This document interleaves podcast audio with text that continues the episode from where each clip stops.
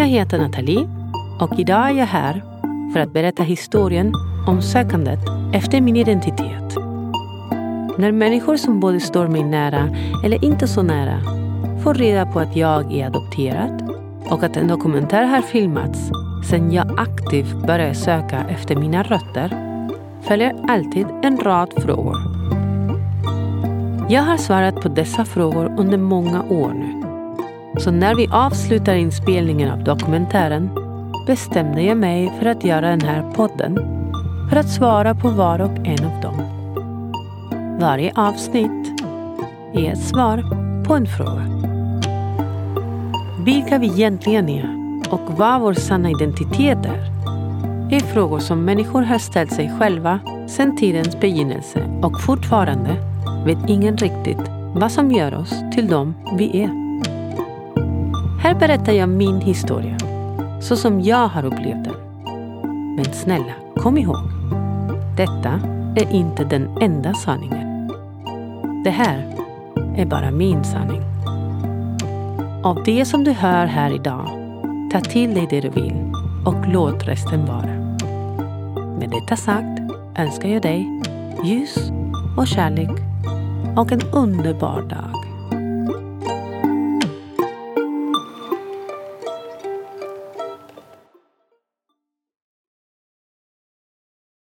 Kapitel 5 Hur är förhållandet till din familj? Förhållandet till min familj var i allmänhet alltid svår. Förhållandet till min familj under mitt sökande var extra svår. I min ålder har jag nu förstått att vi alla gör så gott vi kan med det som gavs till oss här i livet och att det är omöjligt att ge det som man aldrig har fått. Så det var omöjligt för mina föräldrar att ge oss det som de inte hade fått. För ett par år sedan frågade jag min pappa om han kom ihåg när min mamma började vara den där bittra och aggressiva personen som jag växte upp med. Bråken hemma var alltid våldsamma. Min mamma startade dem alltid och min pappa uthärdade aggressionen tills han exploderade. Striderna blev sen ett maraton av fysisk, mental och känslomässig aggression från båda sidor som varade i flera dagar. Och i den där ostoppbara virvelvinden som skapades växte jag och min bror upp. Våld mot barn var väldigt vanligt på den tiden och jag skulle till och med säga att det ansågs normalt. Saker som på den tiden ansågs vara en daglig del av barnuppfostran skulle idag få majoriteten att reagera. Men det hela eskalerade verkligen när jag var 11 år efter att min mormor dog. Och jag förstod aldrig varför min pappa stod ut med en kvinna som var så aggressiv och grym som min mamma. Jag har alltid trott att något måste ha hänt henne på vägen som gjorde henne till det där monstret. Det enda svaret jag fick från min pappa var att hon verkligen drömde om att få barn och efter att ha försökt i tio år förändrades hon av frustrationen och sorgen. Till slut adopterade de oss och därmed blev drömmen om de två barnen, huset, bilen och försörja mannen verklighet. Men trots det fanns en smärta i hennes själ som aldrig lämnade henne i fred. Och min pappa, som bara ville spela tennis, ha två barn, ett hus, en bil och en vacker hemmafru, hade heller ingen ro. Hans frid var alltid beroende av hennes frid. Min bror, den första som adopterades, tre år före mig, var alltid familjens stolthet. Något som var uppenbar för alla som kände oss. Han led inte bara av den typiska äldre syskonkänslan av att bli utbytt när jag kom, utan han var också den som utsattes för mycket mer fysisk våld än jag. Kanske för att han var sonen lärde han sig att konfrontera dem och av den anledningen fick han mycket hårdare straff. Jag såg det och jag lärde mig att inte klaga eller svara eller ta plats eller vara ledsen. Jag lärde mig att undvika slaget. Min bror lärde sig att ta emot det. Ingen av oss hade frid. Han lärde sig att konfrontera. Jag lärde mig att försvinna, sätta på mig ett pokeransikte och låtsas som att ingenting hände här. För ett par år sedan insåg jag att det inte är normalt för en sexårig tjej att be till Gud på nätterna att ta henne med sig för att allt hon gör är fel och att hon är bara en olägenhet i den här världen. I min egocentrism som barn, när jag trodde att jag var orsaken till allt detta, trodde jag att det är mitt jobb att skapa den där freden som inte fanns.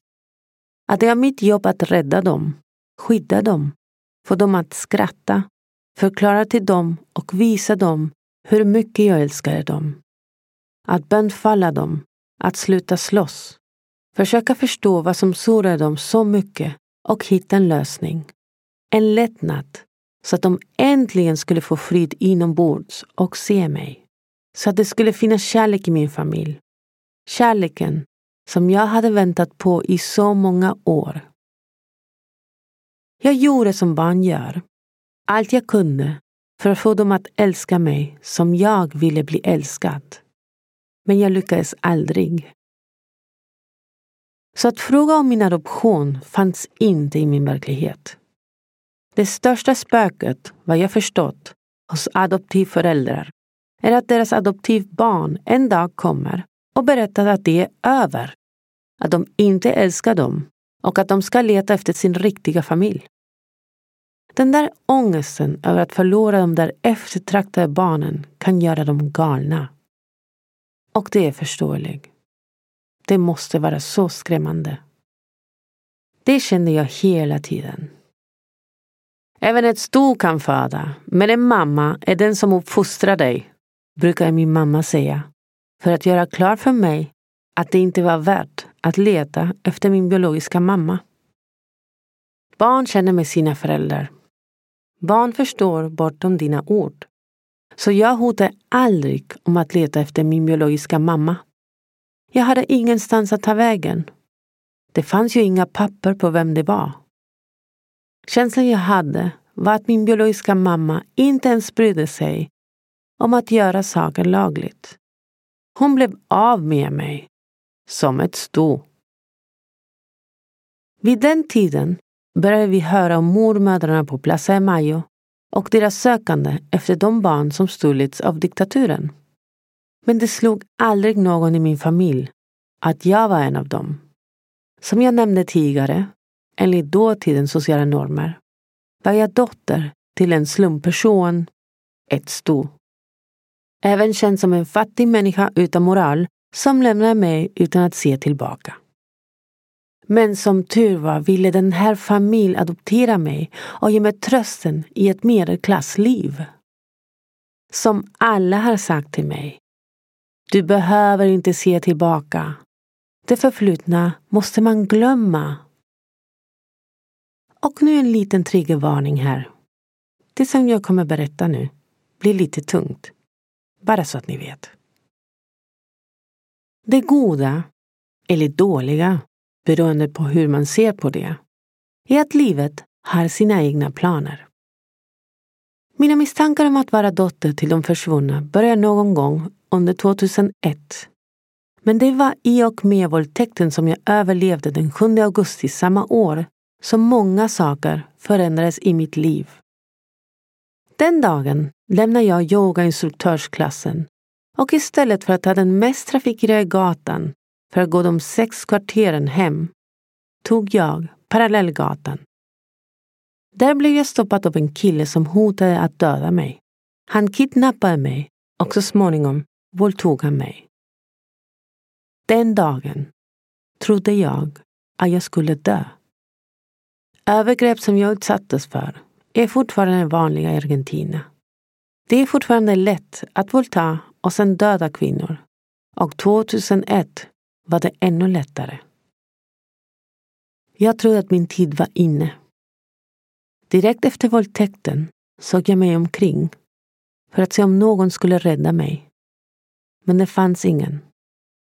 Det här var mitt öde. Och jag tänkte, jag gjorde alltid allt som alla ville att jag skulle göra. Jag skötte mig alltid bra.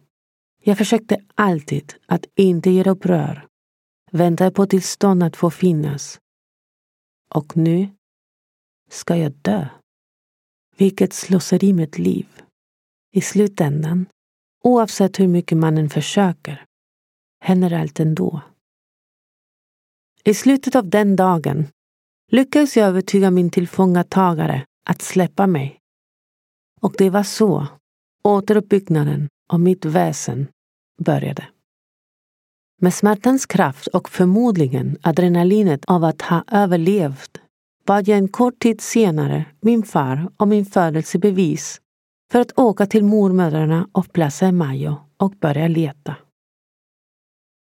Jag minns inte exakt vad som hände den dagen och jag skulle inte komma ihåg någonting alls om det inte vore för min vän Adri som var där med mig. Tydligen bevittnade han scenen där min far gav mig födelsebeviset till ropen att Du kommer att skicka oss alla i fängelse! Och min mamma skrek att om det inte hade varit för dem skulle jag vara död. Min familj försökte övertyga mig om att det förflutna inte betyder någonting och att jag bara letar efter ursäkter för att spela offer. Alla i min familj var emot mitt sökande. Och inte bara emot det. De var våldsamma emot det. De var livrädda för vad de läste i tidningarna om mormödrarna på Plaza Mayo. Livrädda för att jag skulle lämna dem. Livrädda för att historien var sann. Att de hade köpt en bebis som hade stulits av militären. Det var sista gången jag pratade med dem om det. Jag gick till mormödrarna, gjorde det jag skulle, flyttade till Sverige och nämnde aldrig ämnet igen. Min mamma försökte då och då få information ur mig och sa att hon hade gått till en häxa. Häxan hade sagt till henne att jag fortfarande letade i tysthet, men att jag skulle vänta på att hon, min mamma, skulle dö för att kunna söka fritt. Häxan hade rätt, men jag förnekade allt. Min mamma kunde inte hantera ångesten av mitt sökande. Inte heller min pappa. Så varför generera mer ångest som jag sen själv måste hantera? Nej, då söker jag hellre i tystnad. I januari 2013 fick min mamma diagnosen lung och levercancer stadie 4. Jag hann inte träffa henne medan hon fortfarande var medveten. Men min moster Marie berättade för mig att en av de saker som hon hade sagt under sin sista tid var att hon ville att jag skulle hitta min biologiska mamma. Min adoptivmamma brukar berätta för mig att hon tittade på det där programmet på tv som heter Spårlös försvunnen, Gente que busca gente, för att se om någon mamma som letade efter en dotter som såg ut som mig skulle dyka upp. Och när hon berättade det sa jag alltid jag har redan en mamma. I mina ögon var min mamma som en liten tjej med en stor oförmåga att reglera sina känslor. Hela mitt liv skyddade jag henne från mig och min sanning. Och jag tänkte inte sluta förrän den där dagen hon lämnade denna dimension. När hon väl dog var det dags att ta mod till mig och prata med min pappa. 2015, när jag åkte till Argentina, frågade jag honom om vi inte skulle ta en fika. I 13 år förberedde jag mig på vad jag skulle säga. Pappa, mormödrarna har blivit gamla nu. Jag kan inte vänta längre. Så det var precis vad jag sa till honom den dagen på det där kaféet på Plaza de Martinez. Och till min stora förvåning höll min pappa med mig till hundra procent. Av mina föräldrar var han alltid den förnuftigaste. Hans svar var positivt. Han tyckte också det var dags, och inte bara det. Han avslutade samtalet med att säga Jag håller inte med om den ideologin. Med hänvisning till hur militärjuntan beslutade att lösa frågan om vad man ska göra med de bebisar som föddes till människor som de fångade torterade och dödade. Det var inte den reaktionen jag förväntade mig från min pappa. Tydligen hade min mamma och pappa tid att tänka under de 13 åren av tystnad.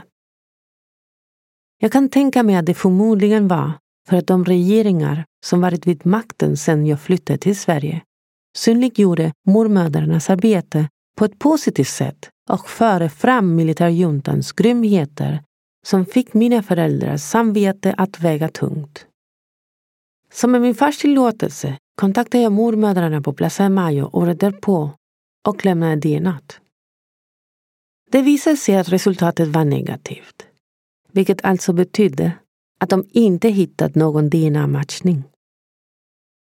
Det första jag gjorde när jag fick beskedet var att ringa min pappa och säga till honom Pappa, DNA-resultatet från mormödrarna på Plaza de Mayo var negativt. Det är viktigt att han visste att han inte längre hade anledning att frukta. Ingen skulle leta efter honom och göra hans liv till ett helvete.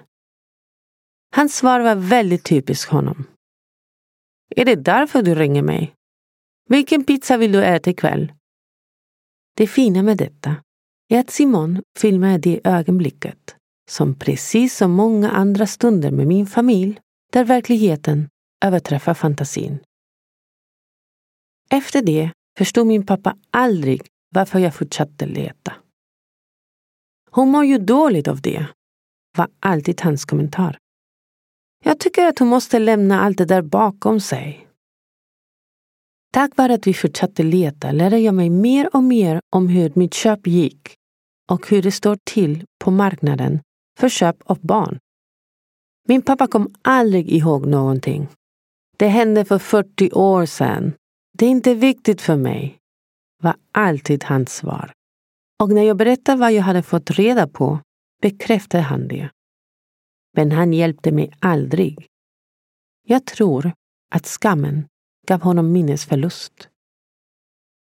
Förra gången jag reste till Argentina för att avsluta sökandet frågade jag honom om han visste varför jag hade åkt och han sa ja. Och efter att ha besökt den sista mamman frågade han mig. Så? Hittade du något? Nej, svarade jag med en nonchalant ton. Nästan som att jag inte ens brydde mig. När Simon frågade honom vad han tyckte om mitt sökande svarade min pappa på samma nonchalanta sätt. Mig spelar det ingen roll. Hon kan göra vad hon vill, så länge det inte gör henne ont. Jag skulle aldrig någonsin kunna visa smärta för min pappa. Jag skulle aldrig, aldrig uttrycka min önskan att verkligen få veta sanningen om mitt ursprung. När det gällde dokumentären var det hans åsikt att vi slösade tid. Vem kommer att vilja se det? sa han alltid till Simon och mig. Jag ville egentligen aldrig prata om det med någon i min familj. Bristen på harmoni och utrymme att ha lugna samtal gjorde det omöjligt för mig att vara ärlig och berätta vad som hände i mig. Om allt redan var så svårt mellan oss, än mindre gick jag runt och försökte prata med dem om ett ämne som är så laddat som sökandet efter min biologiska identitet. Bäst att inte säga något och agera i tysthet. Bättre att skydda dem och skydda mig själv från min sanning.